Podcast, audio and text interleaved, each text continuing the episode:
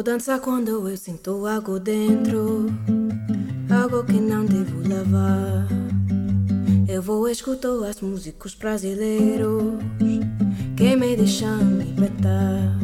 Dança,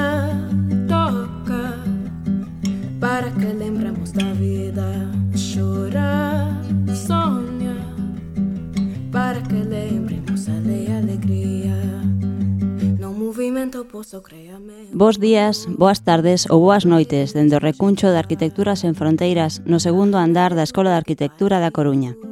Estás a escoitar o episodio 40 de Habitando, un podcast, un falangullo do Grupo de Educación de Arquitectura sen Fronteiras Galicia.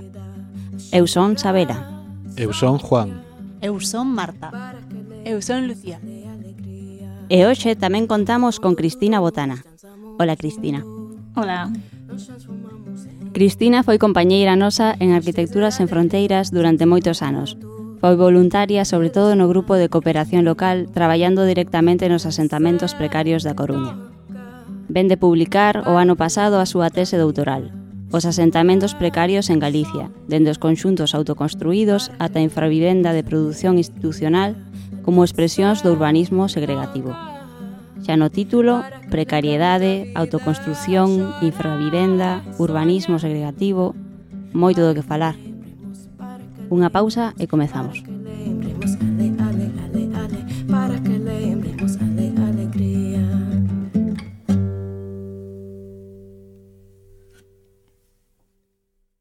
Estás escoitando un falangullo, isto é, un podcast en galego. Para atopar máis, visita podgalego.agora.gal Habitando, o falangullo de arquitecturas sen fronteiras Galicia. Eu vou danzar quando eu sinto algo dentro. Bueno, Cristina, pois boas tardes. Gracias por acompañarnos hoxe no Habitando. Eh, para continuar a presentación, que máis nos contas? En que andas agora? Contanos un pouquiño tamén, bueno, primeiro en que proxectos andas agora, creo que Ujú. tes algunhas iniciativas tamén con outra xente na cidade. Sí, bueno, ahora, desde que terminé la tesis, es que ando así un poco sementando, es la palabra. bueno, estuvo, para la parte investigadora, continué con algunos acompañamientos y algunos trabajos con algunos asentamientos concretos, porque estaban en proceso de desmantelamiento o porque demandaban, bueno, también como parte de una devolución, que para mí era algo importante. Aparte de eso, mm, hace un par de años mm, con algunos compañeros fundamos el colectivo Anomias, que era Ujú. como investigación a acción en el marco de la ciudad. Es verdad que en los últimos dos años nos hemos quedado un poco cojos y entonces estamos más inactivos. También luego a mí me cogió la presentación de la tesis y entonces ahora estamos un poco en, en barbecho. Pero bueno, fue una manera de dar continuidad a otras cosas que ya estaban en marcha, proyectos eh, o eran sobre todo a demanda, es decir, eh, al principio surgió con un tema en las infraviviendas de Zapateira por una, unas demandas que hubo desde algunas personas residentes. Después a veces surgía un tema pues en las lluvias que había que ir a reclamar no sé qué o a mirar eh, pues, alguna demanda vecinal, pues allí íbamos. Entonces era un poco un proceso de, De investigación, apuntarnos al carro a en, todo. Sí. en todo momento, ¿no? Y la idea siempre era, pues eso, como debatir, nos pasábamos más tiempo debatiendo entre nosotros, comentando y viendo qué se podían hacer, acciones pequeñas. Hicimos en, aquí en la Escuela de Arquitectura una que fue así como muy improvisada, pero en el 8M, creo que fue en el 19, me parece, que empapelamos la facultad con referentes de mujeres, ingenieras, arquitectas y demás, como una reclamación a lo que faltaba en la programación. Entonces, eran como acciones así que de repente nos daba una ventolera y decías, hay que hacer esto, pum, y ya estaba. Pero bueno, ya digo que eso en los dos últimos años estamos un poco más parados, entonces... Bueno, en un poco fin. como, como todo el mundo, ¿no? Este tiempo Sí, nos ha fue, un poco a sobrevinieron muchas cosas, entonces pues todo suma. y también procesos vitales, eh, algunos están pues, en una, una etapa de laboral distinta, es decir, bueno, uh -huh. diversos factores. E volviendo a, a la tesis, Cris, teño unha dúbida con dous conceptos, non? Para que nos podas explicar como partir un, un pouquiño dai. Os asentamentos precarios en Galicia, bueno, aí que exactamente asentamentos precarios, como para que a xente que non está isto de que estamos falando, e logo activas desde os conxuntos autoconstruídos ata a infravivenda de produción institucional. Uh -huh.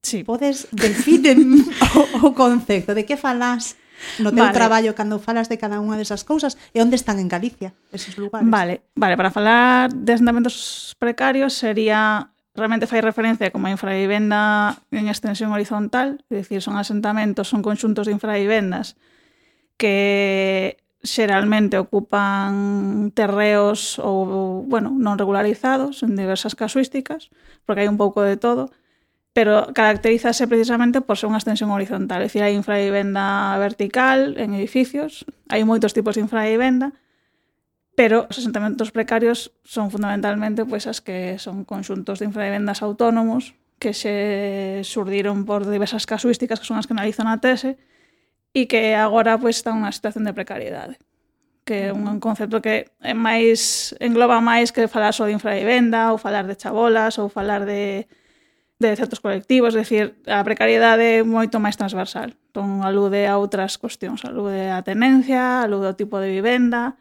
eh, as propias existencias, a seguridade xurídica, é dicir, como todos os factores, uh -huh. e por eso se utiliza máis o concepto de precarios, uh -huh. porque non focaliza nun só aspecto. Uh. Despois, o de autoconstruídos é porque eh, eran maiores, maioritariamente son autoconstruídos, aínda que no proceso de investigación un dos puntos máis relevantes que de feito me fixo cambiar toda a perspectiva da tese foi ver que moitos dos asentamentos en realidad eran de construción institucional, é dicir, fomentados por instituciones públicas, e concellos e entidades sociais.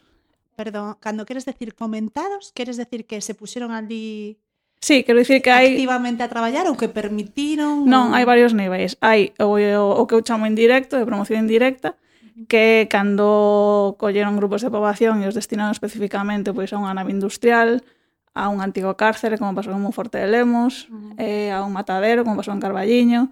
Dicir, é unha promoción indirecta a un asentamento. Non construes directamente a infravivenda, pero sí Derivas. Derivas na aparición dun asentamento. En Culleredo, na nave na antiga nave BBVA, aquí en Orillamar no mercado, uh -huh. es decir, foron reubicacións que xeraron asentamentos de forma indirecta. Uh -huh. Despois hai a unha forma totalmente directa que é a construción de asentamentos, como foi na Coruña no caso de Penamoa, en Ferrol hai outros tantos. Hai un defeito que, bueno, que se fala na tese que é como a estandarización da infravivenda, xa que en Ferrol hai un que, xa, que se chama Model 1, que de feito fai referencia ao Modelo 1, é dicir, unha idea de estandarizar ese tipo de infravivendas, que eran vivendas de emerxencia que se facían ou ben por intermediación de entidades moitas veces religiosas, e outras veces simplemente era o Concello, outras era unha mistura, había como uns convenios coa propiedade dos terreos e era dun particular, entón, bueno, facíase toda unha serie de negociacións e acordábase construir aí un asentamento. Uh -huh. Outros aspectos deste tipo de promocións é que no caso de Galicia, porque iso é importante que no, noutros casos do Estado español é diferente, hai máis diversidade, pero en Galicia foron destinados exclusivamente á poboación xitana. Entón, bueno, eso ten un, denota unha intencionalidade. En todos os formatos de, dos que estás falando, en todas esas modalidades, Ou, sí. ou nalgúna máis que outra. Sí, eh, hai en algún caso en Coruña, como no caso do Campanario, que sí que houve traslados de poboación non xitana, pero foi algo máis puntual. Uh -huh. Pero a intencionalidade de construción das vivendas, de feito, hai atopellase algún documento no que a propia entidade solicitaba ao Concello a cesión dun terreo para construir un poboado xitano, é dicir, estaba explícitamente mencionado. Entón, non é unha conclusión que eu sí, sí, sí, sí. sacara, sino que ao final estaba aí, porque mm. tamén eh, nesa época non había tantos miramentos para a linguaxe e tal, entón pois é fácil encontrar ese tipo de, de miguiñas e ir seguindo o rastro.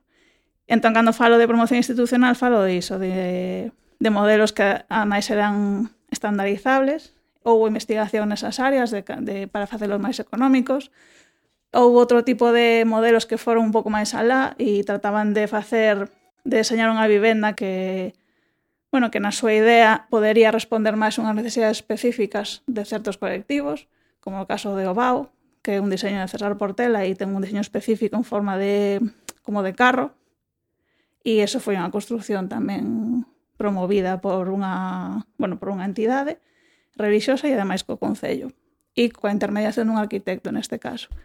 Entón, bueno, son realidades que eu ata que empecé a investigar non coñecía, porque normalmente o relato formal é ese, de que son eh, situacións provocadas pola propia poboación residente, e claro, eso doi a volta totalmente ao plantexamento, entón, no, do que hai que falar entón é desto. Uh -huh. Eu quería, por contextualizar, de que época estamos a falar, máis ou menos? Nos caso dos asentamentos galegos, os primeiros que teño identificados son nos anos 50, pero Non é para nada unha cousa do pasado porque o último que se construí foi en Ourense no 2004. Entón, non é unha cousa de decir, bueno, que antes se facían cousas así, sino que é unha tendencia, é dicir, unha estrategia urbanística. Cris, eh, facer unha tesis é un traballo inxente en tempo, en esforzo e De onde xurde mm, a motivación para que escolleras este tema como arquitecta, como te, bueno, eh, falábamos na presentación que, bueno, xa con arquitecturas en fronteiras te vinculaste, ¿no? Co, cos asentamentos precarios, pero uh -huh. por que, de onde ven isto? Por que decides dedicar este esforzo que que clic te fai aí, que necesidade Como empeza? Logo nos contas un poquinho o proceso que vivises sí. tanto como investigadora persoal, porque hmm. supoño que isto non sí. meterse nun laboratorio estar aí. No, de feito ten moito de de persoal, por eso me gusta falar sempre da non da metodoloxía, sino do proceso, porque para min foi algo trascendental. De feito, gran parte da bibliografía responde ao proceso máis que o que a parte, digamos, eh, investigadora ou que chamarían empírica. Uh -huh. Entón, considero que é unha parte importante da que falar. Realmente nace Eu penso que nace precisamente de, dese de voluntariado que iniciei mentras facía a carreira, entón comecei a traballar con Arquitecturas en Fronteiras. Eh, estive un pouco, transitei por varios grupos, pero de, de internacional, educación, e ao final, bueno, sempre estaba, aí foi onde comecei a formarme nos, bueno, conceptos de hábitat, que significaba o hábitat, que eran cousas que que de feito viña a complementar un pouco a formación que non estábamos recibindo na escola. Entón era un tema que de entrada xa resultaba interesante porque tiña unha, un carácter estratégico, estaba ubicada na propia facultade, entón de unha maneira tiña esa misión de complementar as carencias que ten, que ten todavía a formación en arquitectura. A través de, de toda esa colaboración eh, acabei centrándome máis no grupo de cooperación local, que é o que traballa nos asentamentos precarios da Coruña, e aí foi, claro, a conexión xa é directa. É dicir, foron bastantes anos nese ámbito, e creo que a decisión da tese ven por un sentimento como de frustración de non ser capaz de atisbar unha solución, digamos, de, de, de tratar de pensar durante moitas eh, actividades, reunións, procesos e demais cales son as mellores formas de aproximarse a este tipo de tecidos e non ser quendes sacar unha conclusión. Nin como profesional, digamos, de arquitectura, que uh -huh. teóricamente debería ter alguna ferramenta para pensar en isto pode ir por aquí, nin como persoa, veciña, nin tampouco como activista. Entón, aí entrei nun proceso como de autorreflexión que me levou a, claro, a buscar outras lecturas, a buscar bibliografía, bueno, entrei como de forma natural nun proceso de investigación. E despois, pois, foi un pouco xa, fixen un, un máster en urbanismo, entón tratei o fin de máster deste tema, e nese proceso foi no que descubrín a parte da, bueno, a promoción dos, dos asentamentos por parte das institucións. Uh -huh. Que realmente era algo que xa sabías, en na Coruña sabes que Penamoa foi algo que promoveu o Concello, pero sempre pensaba que era algo pois máis circunstancial. Cando vin que realmente era algo sistemático, non só en Galicia, sino en todo o Estado español, e que en Galicia era tan significativo, dime conta que cambiaba todo o relato que eu tiña na cabeza sobre este tema. Entón... Cal era ese relato? De... O relato de que hai, eu vexo como dúas formas de contalo. Hai como a forma pois que criminaliza, eh, patoloxiza estas realidades. Uh -huh. E logo hai outra forma que é máis paternalista, uh -huh. que a que considera que son pois tecidos urbáns e residentes que de alguma maneira quedaron fora do sistema e que hai, aos, aos que hai que rescatar. Uh -huh. E os outros son pois anomalías urbanas que hai que erradicar. Uh -huh. Pero as dúas eh, perspectivas rematan sempre na mesma conclusión, que que teñen que desaparecer. Uh -huh. E as dúas carecen das mesmas cuestións, é dicir, non participación, non consulta, non recoñecemento e non valorización. Uh -huh. Entón, o relato final ten moitos factores comuns, eh, son realidades autoproducidas, Eso xa directamente culpa as propias residentes da situación. Son realidades escollidas porque se considera que tiveron oportunidades de salir desa situación e non as aproveitaron. Entón aí entran estas cousas dos o que chaman como a vulnerabilidade dos, dos, dos dones non correspondidos. É dicir, demos tantas oportunidades e, sin embargo, vos estades aí porque queredes. Uh -huh. E despois tamén se entrecruza co relato criminaliza, é dicir, son ocupas, está nunha situación precaria ilegalmente, etc. Entón, ese é un pouco o relato formal.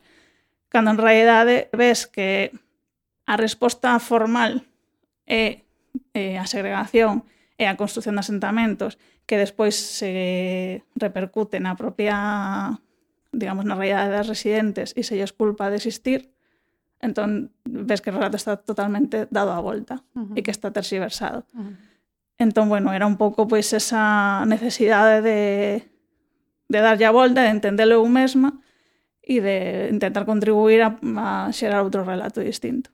E sobre todo porque tamén na academia pensaba que... Na academia, bueno, na academia xeral, estou sempre pensando na academia local, que faltaba un pouco investigacións deste nestos ámbitos, porque son investigacións moi precarias, moi ingratas, son difíciles, e ademais confrontan os propios privilexios, de decir, ti eres veciña da cidade, entón, bueno, teñen como moitas friccións que non son fáciles de confrontar. E me parecía interesante que, de alguma maneira, pois, deixar como a cuña metida, digamos, no, no sistema académico. Decir, bueno, pois estes son temas que están aí, que nos aluden, tanto si eres socióloga como arquitecta, como antropóloga, traballadora social, e que teñen que traballarse. Entón, a idea era, pois, en acabar de producir algo que outra persona recolla e continúe. Entón era un pouco a teima esta de como de disputar o relato, era un pouco a idea. Falas de relatos, relatos son diferentes, se veñen dende as institucións, se veñen dende os medios de comunicación, dende a veciñanza. Eu penso que un pouco de todo. Aí un pouco o que cambia é a posicionalidade de cada un. Aí tanto veciñanza como persoas activistas, non activistas, asociacións veciñais, eh, institucións e tamén parte académica, de todas as esferas de intervención, digamos, que teñen un, un bueno, un discurso claramente pues eso, eh, criminalizador, por decirlo de alguna maneira, e hai outras que son claramente paternalistas, aínda que non o pretendan. Entón, bueno, é transversal. Eu teño escoitado de todo, decir, incluso a veces hai discursos totalmente emancipadores de, dunha veciña que está ali, pero ten unha visión completamente... É dicir, non, non hai unha asociación directa entre un discurso máis elaborado ou menos segundo a esfera da que, pro, da que procede. É aleatorio, un pouco a posición de cada un. Entón, bueno, unhas partes importantes do proceso era o tema do relato oral, é dicir, tendo en conta que todos os relatos que encontraba, os discursos, iban sempre máis, bueno, máis ou menos nunha dirección similar, faltaba que a propia poboación contara esa versión. Entón, o que pasa que aí entramos en que é o que valida a academia, que tipo de referencias bibliográficas dá por válidas a academia, que é outro temazo. Entón, claro, cada paso que daba era sempre como en loita, de decir, bueno, como valido pois que unha señora me conte a súa historia de vida e que eso se converta nunha referencia bibliográfica porque non está, é dicir, son experiencias e vivencias que están sempre fora do, do arquivo. Incluso a construción destes asentamentos, que era o tema concreto que abordaba, está fora dos arquivos municipais. Entón, claro, era moi difícil cando te exixen no ámbito académico, bueno, en casi, en casi todos, pero sobre todo no académico, hai como unhas estructuras super rígidas de como trasladar toda esa investigación a un formato que sexa validable e que sexa homologable e que de alguma maneira a academia diga, venga, vale, aceptamos. E claro, eh, transcribir todo iso era ou ben renuncias a cousas ou probas sorte e, e a ver. Entón hai como unha reclamación de objetividade, dicir, en canto tocas certas teclas, enseguida surxen reclamacións de pero é que hai que ser neutral, hai que ser obxectivo, é que dices, entón a todo o rato estar dándolle, bueno, discutindo ese tipo de, de, de preceptos que están aí como unas pedras sagradas da academia. E, bueno, eso era complicado. Entón, evidentemente na tese para pasar, digamos, polo marco institucional ten que ter certas estructuras, pero incorporei a oralidade como fonte de referencia. Entón, igual que as, aí aparecen citas de determinadas autorías, tamén aparecen as propias residentes falando, bueno, residentes ou xente que igual xa non reside ali, pero ten a súa historia de vida e demais. Incluso veciñas que te poden contar certas cousas e, bueno, Que a única forma de abrir novas vías de, Sí. de miradas e de Sí, e para, e- para sustentar eso, por exemplo, tiven que ir a outros a outras esferas, por exemplo, en bueno, en universidades uruguayas e en outros países, sobre todo latinoamericanos, Mm. sí que hai unha valorización moi importante da la oralidade. Entón, aí, cando atas, ainda que sexa unha universidade latinoamericana que sempre pasa por una, un filtro colonial de, bueno, non é o mesmo, Europa que tal, e ainda así, polo menos é unha universidade, entón vai entrando. Entón, a cada vez que facía algo así, todo o rato tiña que construir outro capítulo adicional explicando a relevancia da oralidade, o por que ten validez, o por que eh, é unha referencia válida, etc. Como para, digamos, de alguma maneira, ter coartadas para todo o que facía e así foi un po... Claro, así acabou o mamotreto. Como, así, a, grande. a, a, a dureza engadida dun marco dunha escola de arquitectura e, en canto a recoñecer ese tipo de coñecementos que o mellor sí. noutras disciplinas é que sí. se basan niso, non? Sí. Precisamente. É que noutras é bastante máis fácil, claro. pero aquí non... Bueno, de feito, conseguida a tese final, ou algunhas, algúns problemas polo tema de se si era unha tese de socioloxía ou... Claro, é que entendo que, que, que van por aí co, co tema da neutralidade nunha sí. cuestión absolutamente política como é a túa tese é que, sí. é, que ten unha parte, claro, de coñecementos técnicos que ti te vas... Mm. Eh, pero que é o que dis, estamos buscando outros relatos que non vamos a escoitar, non? Que nos están sí. vendendo unha historia E aparte eu, eh, eu nego que a, o empirismo sexa neutral. Claro. Porque é unha pretensión que non é mm. real. Entón, bueno, a primeira era esa, era negar a maior. Mm, decir, xa. bueno, pretender que unha tese denominadamente empírica sexa neutral é falso. Mm, mm. No momento que está feita por unha persoa xa non o é, para uh -huh. empezar. E ademais non... Non, entón, claro, eran reclamacións que non que son vacías, pero están aí, son moi fortes. Entón, Medos que hai de... Sí, xeran tiranteces eh, importantes cando tratas de depositar a tua, a tua tese e decir, bueno, pois ahora revisade. Houve estes atrancos, non? no marco non desta institución eh, académica da universidade e logo claro, estás traballando a vez en marcos completamente contradictorios, non? Cando ti tiñas que, mm, que estar acompañando, vivindo, investigando nos asentamentos, que barreiras atopaches aí que te puxeran diante e que ti mesma, o sea, non sei como foi o proceso para ti, non? Desos conflitos o mellor como investigadora que a veces se poden dar, uh -huh. non? Éticos. Non sei, sí. por experiencias de traballo de campo máis cualitativo e sobre todo en contextos que están moi estigmatizados en nas marxes, Hmm. Hai procesos aí complicados internamente. Entón, como cal foi así o do, do teu proceso como investigadora que eh. co que te quedas agora de decir, uf, que malo pasei con isto, que difícil foi de resolver. Para mí, por exemplo, había como varias cuestións que foron difíciles de, de, de ir desentrañando. Un era o de non facer das persoas que colaboran contigo obxetos de estudio, que é algo que non, non sempre ten unha intencionalidade, pero é así, porque necesariamente é unha relación de poder. Entón, uh -huh. ti chegas ali como unha persoa integrada ao sistema, académica, etc., cunha serie de, de experiencias e de, e de posicións, e aínda que non o pretendas, é unha relación de poder. Entón, admitir eso é o primeiro paso. Pretender non facelo, mm, é mellor asumilo, e despois ter cuidado. Sí, e comportarte como unha persoa, simplemente, unha vez que asumes que eso é así sí. e que necesariamente te van a ver así porque é o normal, sí. non pretender ser algo que non eres. Mm. Eh, despois mm, unha das claves para que non para non xerar como relacións extractivistas eh, que era, bueno, ás veces é casi imposible porque non, por exemplo, eu fixen teña que apuntar 83 entrevistas e non sempre te implicas con todas as persoas porque senón non te dá a vida, pero eh, unha das claves era como que houbera unha devolución, é dicir, implicarme nos seus procesos de loita baixo os seus criterios. Uh -huh. Entón, era unha maneira de que eu si estaba en determinado contexto e me estaban axudando coas entrevistas a participar, dándome información que eu necesitaba e demais, o mínimo que podía facer era incorporarme a súa loita fora que fora. Pero sempre desde unha posición de retaguardia, non tratando de explicar as súas necesidades, nin os seus procesos, os ritmos que teñen que levar, nin nada por estilo. Entón era que tamén unha tendencia bastante habitual desde as institucións, desde os activismos e como marcar a xenda. E normalmente as persoas teñen a súa propia xenda, ainda que ti non a compartas ou o que sexa. Entón, unha das claves era esa.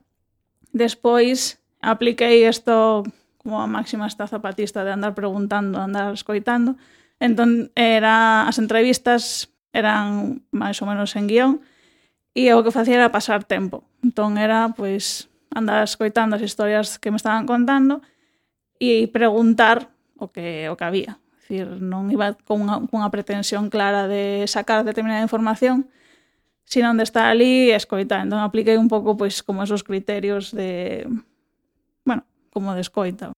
Ao final, para min era como unha forma de estar, non era algo así moi metodolóxico. Uh -huh.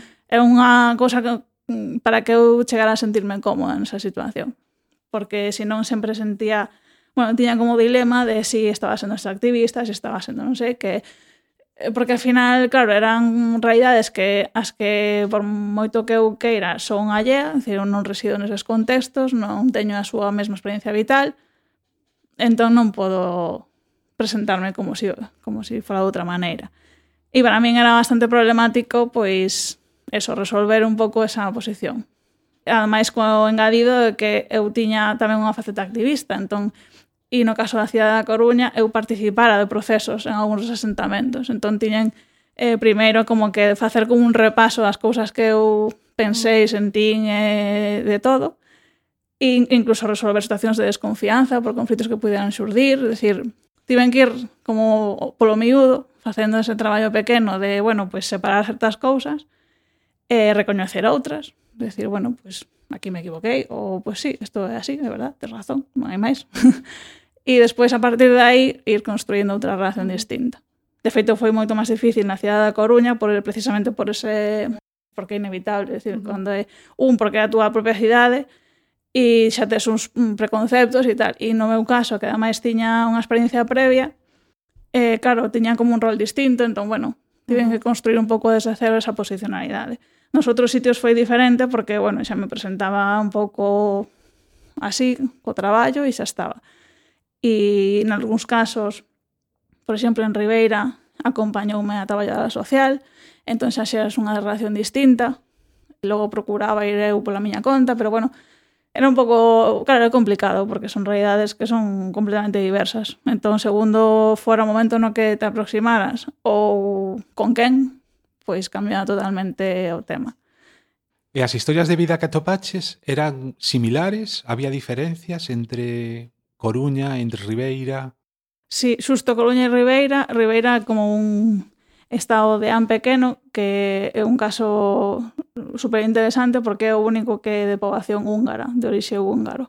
E procedía de, do sur de España e anteriormente procedía de, bueno, de Hungría, evidentemente, pero eran como desplazados da Segunda Guerra Mundial e das hordas xenocidas que houve contra xitanos e demais e miraron hacia cara a España e despois asentáronse máis ben no sur, no Levante, pois neste caso as como as familias orixinarias dese asentamento, que son as que compraron os terreos, eran familias ligadas ao mundo circense, entón claro, era como unhas historias moi interesantes porque non esas eran únicas, non coñecín a ninguna outra familia con ese bagaxe.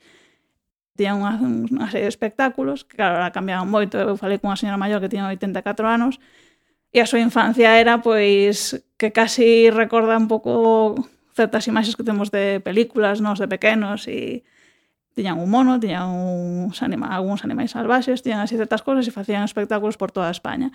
E eran itinerantes ata que, bueno, claro, durante o franquismo pasaron bastante mal porque tiñan a obsesión específica con asentar e sedentarizar a toda a poboación xitana de, Gal de España e ao final acabaron un pouco achegándose a Galicia sobre todo polo que me contaba esta muller por temas de represión, canto encarcelaron e eh, asesinaron a varios dos seus familiares, foi xa a punta máis extrema que atopou e instalouse en Galicia.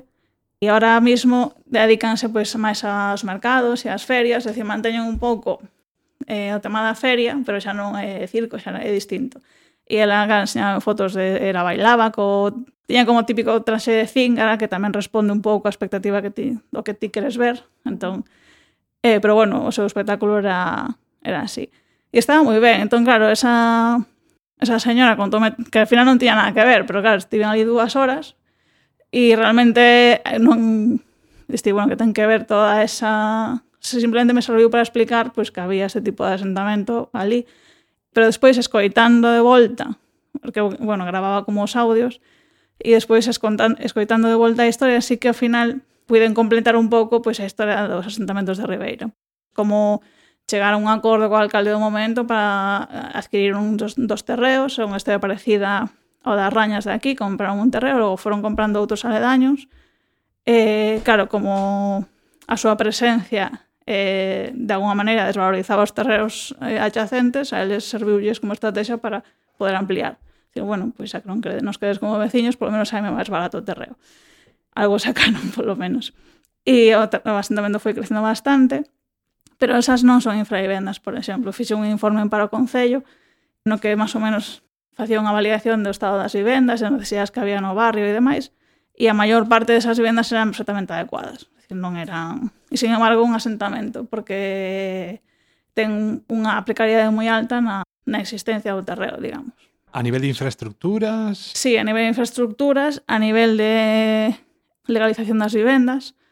É dicir, ese barrio construíuse igual que a maior parte das aldeas galegas, pero cando nos 80 Manuel Fraga abreu a man e legalizou casi todos os núcleos rurais, eso non afectou a certos colectivos porque, bueno, pois non formaban parte do sistema.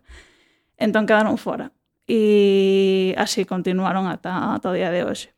Quero dicir, isto Digo máis como mostra de que ás veces as situacións explícanse simplemente por inercias administrativas mm. de negar constantemente dereitos ou procesos a certos tipos de población. Porque neste caso era tan fácil como regularizar as vivendas, porque todo Ribeira se fixo así, Ribeira e penso que toda Galicia. E non pasaba nada, eran vivendas e xa está. Non...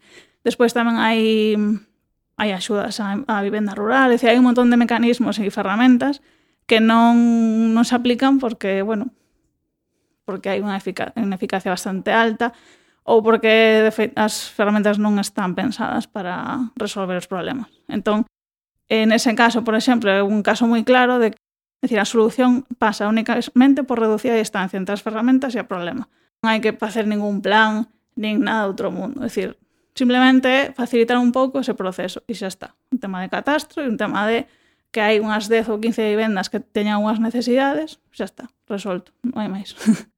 E a xenta de, de, de, das poboacións, non, de desos de eh, asentamentos, dicías, bueno, eu me poña na retaguardia, non, e, en tratar de non marcar a xenda, de acompañar esas demandas, aínda que non estes de acordo. Como se ve esa poboación a si sí mesma? Cal é o seu propio relato? Porque ás veces cando tamén que, que te contan, non? Porque hmm. hai un relato para contar. Entón, que relato percibiches ti? Poideches ir vendo que mudaba ese relato, decir, nun principio contan algo, según vai pasando o tempo, mudou ese relato cara a ti tamén. Non sei se se hmm. apreciaches eso, so, o, o propio autorrelato. Sí. E que a senda surde de aí, que é o que propoñen, que é o que demanda a xente que vive neses asentamentos, e se ves moita diferencia entre os lugares e outros, e que, hmm. se hai, que identificaches aí. Sí, eu penso que sí, as asendas son totalmente locais, é dicir, pois no caso deste de Ribeira, A necesidade clara era que facilitasen o catastro, que simplemente axudasen a regularizar as vivendas, en moitos casos porque non sabían moi ben nin como comenzar, todo pasaba polos servicios sociais e iso ralentiza moito porque teñen moita carga de traballo e non poden resolver todo. Entón, cando as áreas de urbanismo, vivenda e demais se retiran do seu deber, ao final recae todo na espalda de servicios sociais e non pode resolver todas estas cuestións pero se non están aí aportando e resolvendo cuestións que si ya atañen, as cousas se bloquean. Por exemplo, aí a demanda era, aparte de espacios infantís, faltaba pois un parque infantil, era fundamentalmente regularizar as vivendas, porque había medo pois a que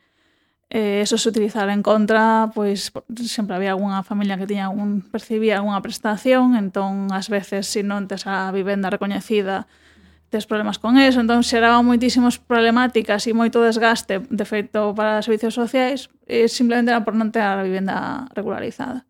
Entón era unha cousa que desde lonxe se, se veía como moi sencilla de solucionar, que realmente non era tan... De forma tan... neutral, non? Claro, non era como... calquera diría, bueno, non é tan fácil, sí, sei que non é tan fácil, non? Pero desde logo non facía falta ningún plan uh -huh. eh, multiárea ni nada por estilo, era simplemente unha cuestión de dinamismo administrativo, nada máis. En outros casos, a xenda é completamente distinta. Por exemplo, houve casos de estudio que non que fixen, pero non aparecen na tese, en ningún lado, porque a poboación non quería que se souberan que estaban ali. Uh -huh. Entón era un exercicio de autodefensa que ti como investigadora tens que respetar, porque imagínate que eu decido porque me parece super interesante, poño ese caso e Entón, claro, a xenda nunca pode, a túa nunca pode estar por encima da súa, porque está nunha situación de precariedade moi alta, entón non podía, si polo que fora, resulta que algo do que eu fixera tiña unha difusión e de repente se colocaba o foco aí, pode haber, había como consecuencias inesperadas as cousas que ti faz. Entón era ser consciente de que, aínda que non o pretendas, pues, pode haber esas consecuencias e estás falando da, pois, do fogar das persoas. Entón ti te volves a túa casa e xa está pero despois quedan como restos que non sabes como por onde van a sair. Mm. Entón era, bueno, pois pues non apareces, está. Non te arriscas a ni sequera comedias tintas, é dicir, non, ou se directamente che pedían que non aparecese, pois non aparece. E iso incluso tamén me pasou desa institución, había un concello que era bastante creativo e que desde o meu punto de vista aportaba bastante voluntade a resolver esta distancia que dicía entre o problema e, a, e as ferramentas, E claro, dixen, joder, tú un exemplo da, de como afrontar certas cousas. Pero claro, me pedían que non o fixera porque precisamente... Discreción. Era, podemos solucionarlo porque porque podemos, entón oh, non fales desto, non o pones como exemplo porque entón xa igual xa non podemos facelo. Uh -huh. Entón era, vale, pois pues outra cousa. Nos pasamos de creativos e nos van a vir aquí a Claro, entón era como, para min era un exemplo de actitude, uh -huh. porque ademais era moito máis resolutiva, uh pero non podías polo como exemplo de caso de estudio, porque non... Entón, era todo o rato pues, eh, ter este tipo de, de cuestións. Logo, había outros concellos que directamente estaban en contra de que falas das cousas, ou negaban a existencia a un asentamento cando era obvio que estaba aí. Entón era, non, non, isto xa se desmantelou no 2004 e tú. Será, pero está aquí. o asentamento de Rodinger, non?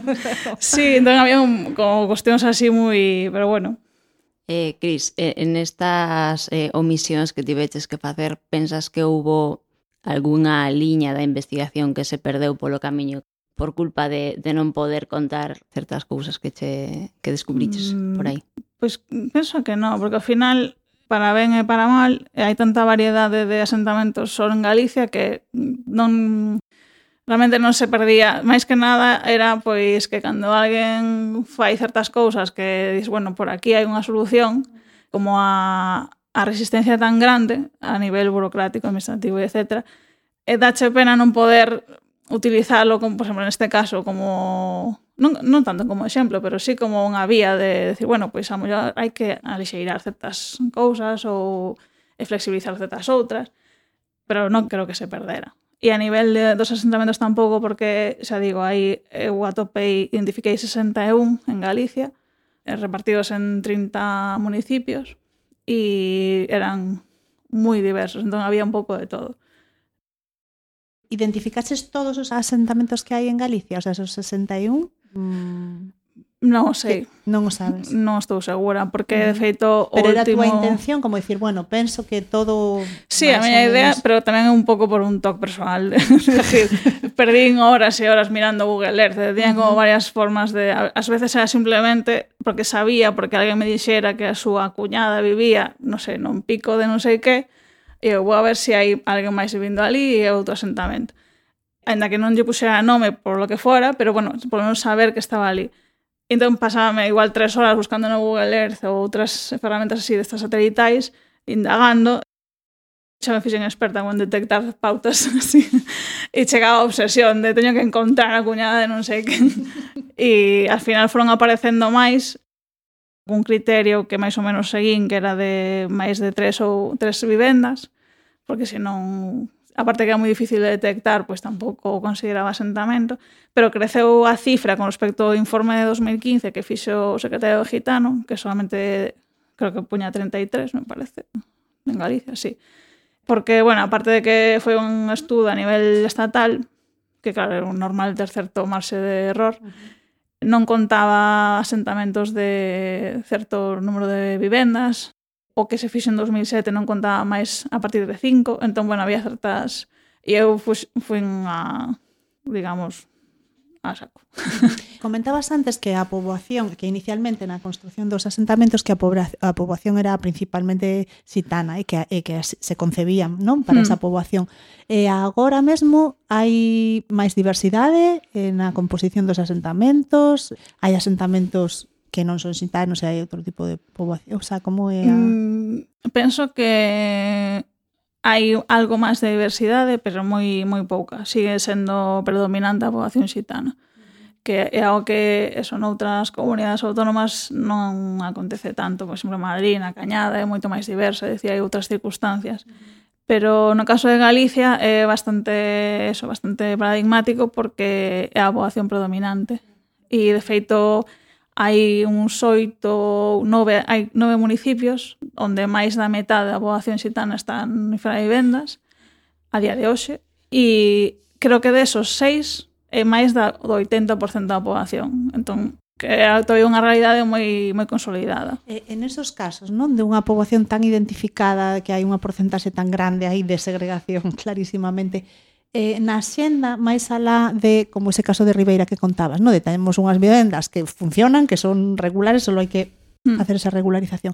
Nesos casos, cal é a xenda desas poboacións? Que é o que demandan? Vai máis alá da, vi da vivenda en sí? Cal é o relato tamén? Porque se leva tantísimas xeneracións, non? E con, mm. que, que actúa poboación a, a asignan a esos lugares, a meten aí como se construe a xente nova, que non sei, que percibiches aí? Hai un cambio desas de previas a, a xente nova agora, demandan outro tipo de cousas que Si, sí, eu penso que Non sei, igual non pudiches tampouco profundizar Si, sí, tanto, a ver, pero... non non vou dicir que este é un análise super etnográfico porque non era o que eu buscaba, pero sí que é verdad que a poboación máis xoven tiña máis eh, ganas de outro tipo de, bueno, outro tipo de residencias, por exemplo, eh, adaptábase moito mellor aos plans municipais que sempre pasan pola polo realoxamento en vivenda, a vivenda que chaman normalizada e aspiraban a unha vida como máis estándar, digamos. Que supoño que tamén un pouco por xa aleccionamento desde rapaces. Entón, xa non se planteaban certas formas de vida que saben que son moi precarias e duras, entón xa non as plantean. E a máis teñen máis adaptabilidade a hora de residir nes, noutros contextos máis rígidos, pois nun bloque de vivendas ou cosas así. O que sí había en común era que en casi todas partes demandaban un recoñecemento do seu proceso, é dicir, había como certos dores de barriga, digamos, con este eh, ese discurso de que tiñan ocupado ese terreo, que era un asentamento ilegal que moitas veces se eh, bueno, se relatan desa maneira desde os medios, sobre todo, ou mesmo desde, desde os concellos, que se Hai veces que a propia desalcaldía ou desde as áreas de turno refírense como asentamentos ilegais, ainda que saben perfectamente que non a súa xénese non é ilegal, sino que é institucional. E eso molesta bastante. Eh, en casi todos os casos era había como un reclamo de por que dicen que estamos aquí de forma ilegal. E eso era bastante transversal, eh, molestaba bastante e doía ese tipo de, de relato. E, bueno, tamén logo as noticias, é dicir, cando saen noticias nos medios mayoritarios, a forma de abordar os, os temas sempre era un tema de conversación. Sempre producía bastante dor porque, bueno, ao final tamén un pouco o que buscan, porque a forma de abordalo sempre é moi, pois pues eso, criminalización, eh, etc. E cale como o resultado do teu traballo, da tese, de cara a esas dores, non? O sea, en hmm. que medida pensas que, bueno, era un pouco a tua intención, que demostra que ven a aportar, non? Como se ti te tes que reunir agora con a representación de, de representantes institucionais. Sí. Podes contarte algo que eles non saiban xa ou como demostrarlles eh, entendes o que quero decir? Sí. É dicir, mira, pa, pa, pa, e ademais que feedback, ti, tivo algún feedback, mm. ese traballo? Ves algunha sensibilidade en algún actor político? Mm. como Non moita, verdad? No. Teño que dicir. Non avanzamos, eh, a ver. o sea, quero dicir no. que é algo como super enquistadísimo. Que... Sí, é que é algo que é moi estructural e que ademais toca moitos factores que non están aí instalados e non, non é só unha cuestión institucional, é que todo é estructural. Está metido na nosa cabeza, entón é moi difícil desmontalo e as persoas que traballan nos concellos pois tamén son persoas, entón teñen a mesma como os mesmos códigos metidos na, na cabeza. Bueno, aparte de flexibilizar as políticas de vivenda, é decir, que algo que está aí, é decir, existe un montonazo de ferramentas, pero están bastante máis dirixidas a, digamos, a poboación intermedia. Están, nos títulos ás veces levan mencionan a poboación máis vulnerable, pero en realidade, se si les ven a, a política de turno, non está pensada para eso, está Era pensada, fora. sí, ou ben para xente que ten uns mínimos aforos, que ten certo tipo de cousas garantizadas, eh, como ingresos mínimos, etcétera, e entón non funciona. Entón esa poboación sigue quedando sistemáticamente excluída. Entón é unha cuestión de, eso, de flexibilizalas.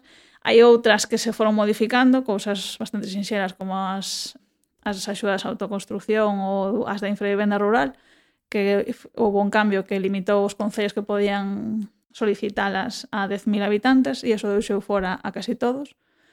E, de feito, os que teñen asentamentos, só 4 poderían solicitalas. Entón, aparte de que son, como sempre, pois eh, moi enrevesadas, difíciles de solicitar e que pasan pola voluntade do Concello, dicir, non poden as persoas directamente solicitalas, que é outro problema, eh, falta moita autonomía para ese tipo de cousas.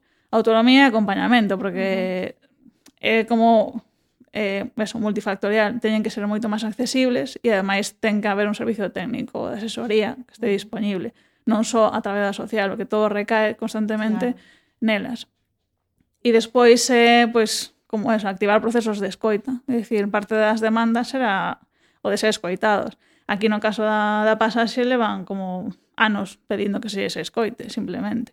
E en a que dicen que sí, que, que son escoitados e demais, non é certo, porque non, é dicir, non está ocurrindo. E entón hai como unha cuestión como de escoita, de memoria, de recoñecemento que penso que é fundamental. Porque o que pode de unha maneira, iniciar o proceso de sanar certas feridas e facilitar os procesos uh -huh. para que non sexan sempre tan verticais e tan impostos.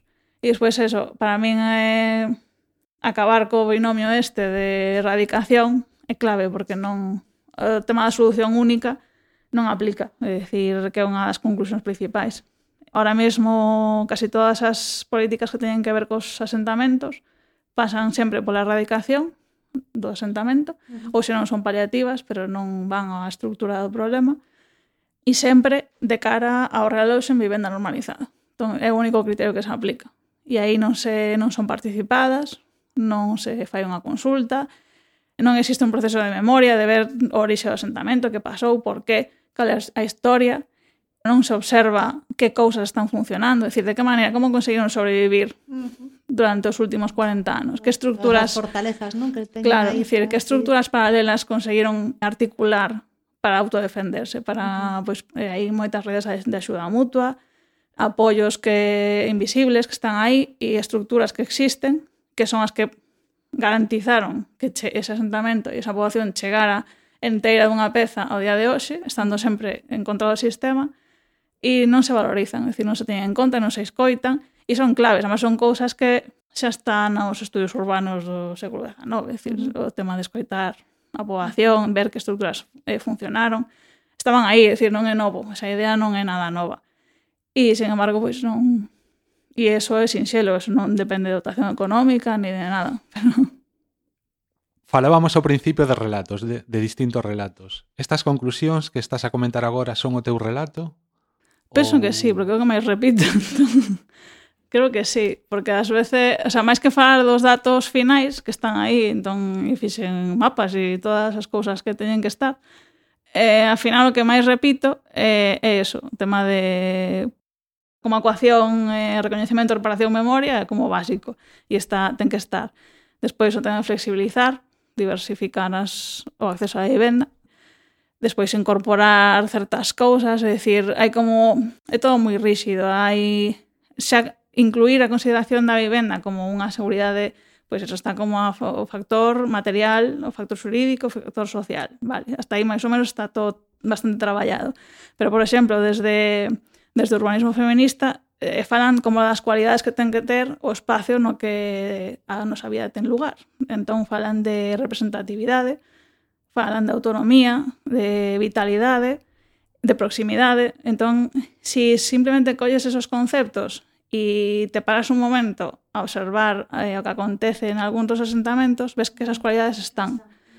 Entón, si colles polo libro a definición de infravivenda, sí, son infravivendas porque senón é inseguridade ou precariedade xurídica e social, e senón é social, económica, e senón é...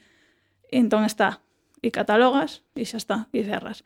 Pero se si vas a outros conceptos, que claro, non están incluídos nos, nas avaliacións institucionais, nin é como que están todavía en loita, están aí pois intentando introducir ese tipo de cuestións, eso así que axuda a ver que cousas están pasando, é dicir, están aí, Entón, unha das cousas que tratei de facer é identificalos, polos en valor, digamos, de, bueno, si están aí, e decir que é necesario, bueno, entendelos, é decir, saber que estruturas están operando en cada un dos asentamentos e ver de que maneira se poden trasladar a outro contexto si é que é necesario que ese contexto desapareza, porque en moitos casos non é preciso.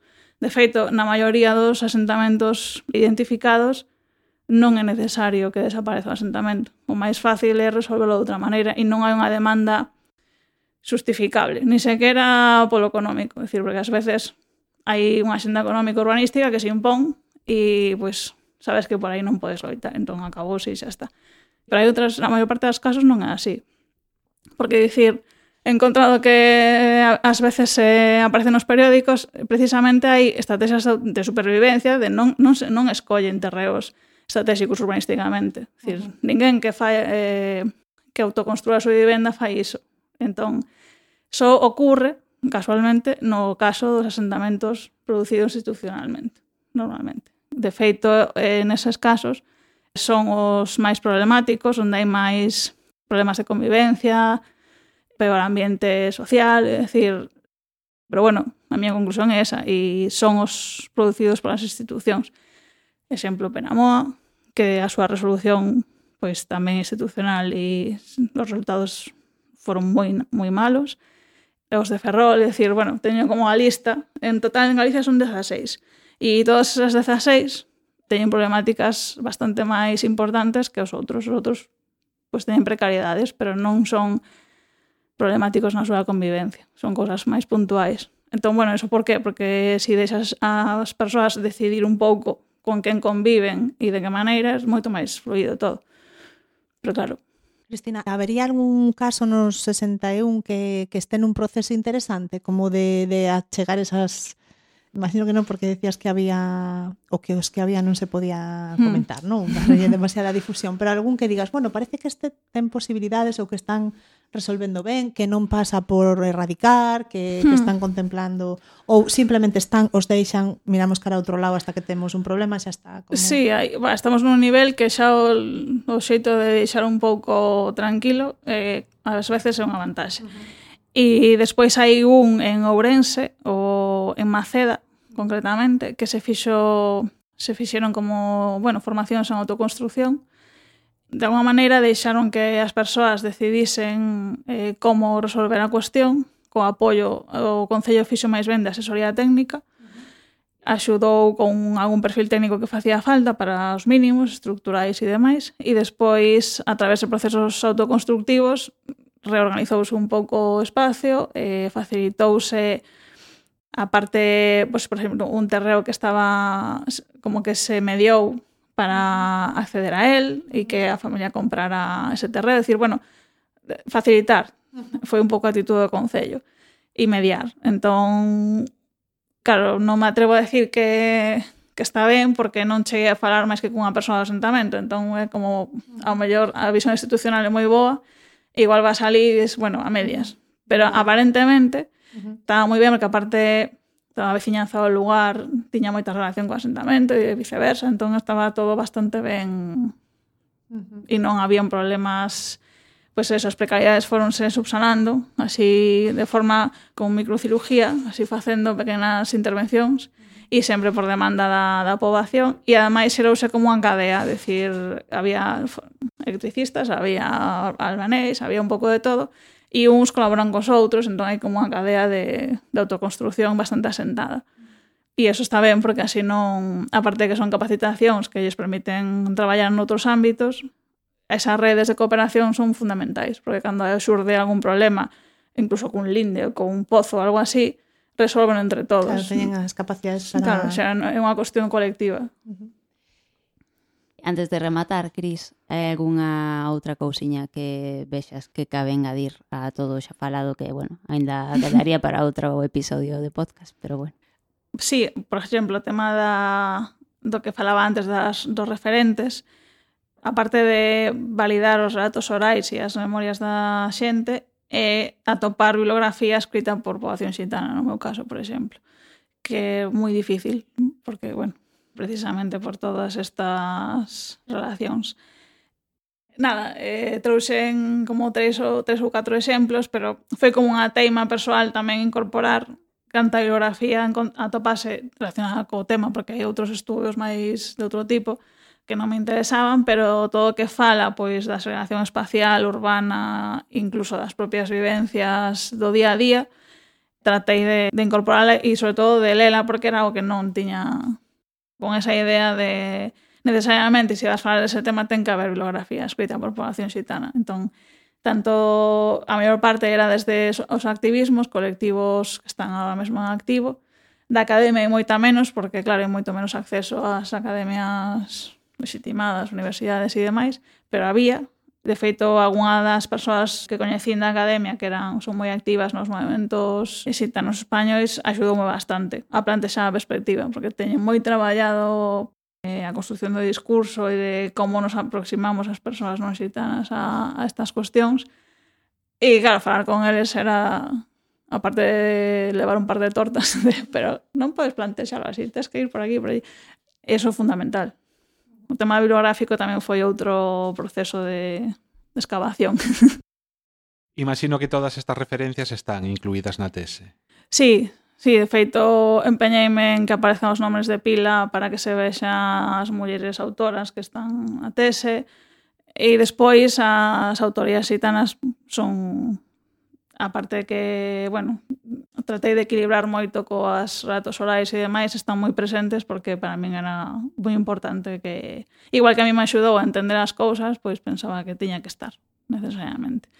Entón, bueno, mm, bueno, trouxen esta pastora filigrana que ainda queda os laboralista é fundamental e ademais escribiu un libro sobre o povo xitano contra o sistema mundo que explica casi todo entón é moi importante e dentro unha perspectiva feminista e anticapitalista, entón é como bastante clave todas as que va dando e despois están, eh, por exemplo, Silvia Agüero, Noelia Cortés, bueno, hai xa nos anos 70 Juan de Dios eh, Ramírez Heredia que chegou a ser eh, diputado, decir, bueno, hai bastantes referentes, bueno, bastantes, escasos, pero hai referentes de varias épocas. Teñen que estar, non sei. Se alguén os quere atopar directamente, sí. están na túa tese. Sí, para mí é algo interesante nos, tanto nos artículos como nos tal e as bibliografías. E sacas bastante información. Eu esperaba que a miña tamén contribuíra a eso, que alguén dixera, boa bibliografía. Porque eu fixeno con un montón de autoras que atopei e fun directa, despois de lelo, fun ás bibliografías. E aí atopei un montón de...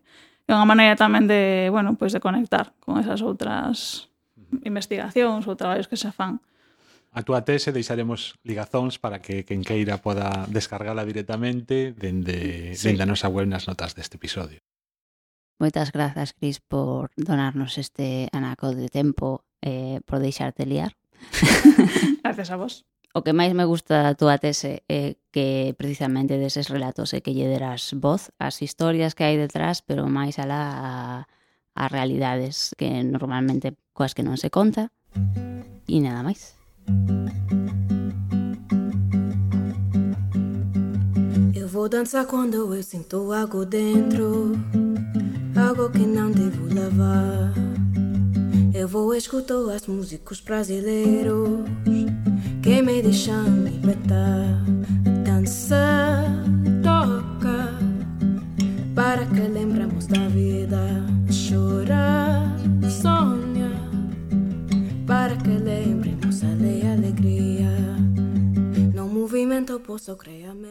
Pois ata aquí este episodio 40. Podedes nos deixar un comentario sobre este ou calquer outro tema nas notas do episodio na nosa web galicia.aspes.org En Twitter atoparedesnos como arroba asf barra baixa habitando ou en arroba asf barra baixa galicia. E tamén temos páxina en Facebook. Recordade que Habitando, ademais de na nosa web, está disponible en ebooks, Spotify e Apple Podcast. A nosa sintonía, a canción A vida de Maya Solovey e o resto de músicas que teñan soado en Habitando distribúense no momento da súa grabación co licencia Creative Commons o igual que este falangullo e a maioría de contidos de Arquitecturas en Fronteiras. Nada máis, moitísimas grazas a todos e todas por chegar até aquí e ata a próxima. Adeus. Adeus. Adeus. Adeus. Adeus. Soña para que lembres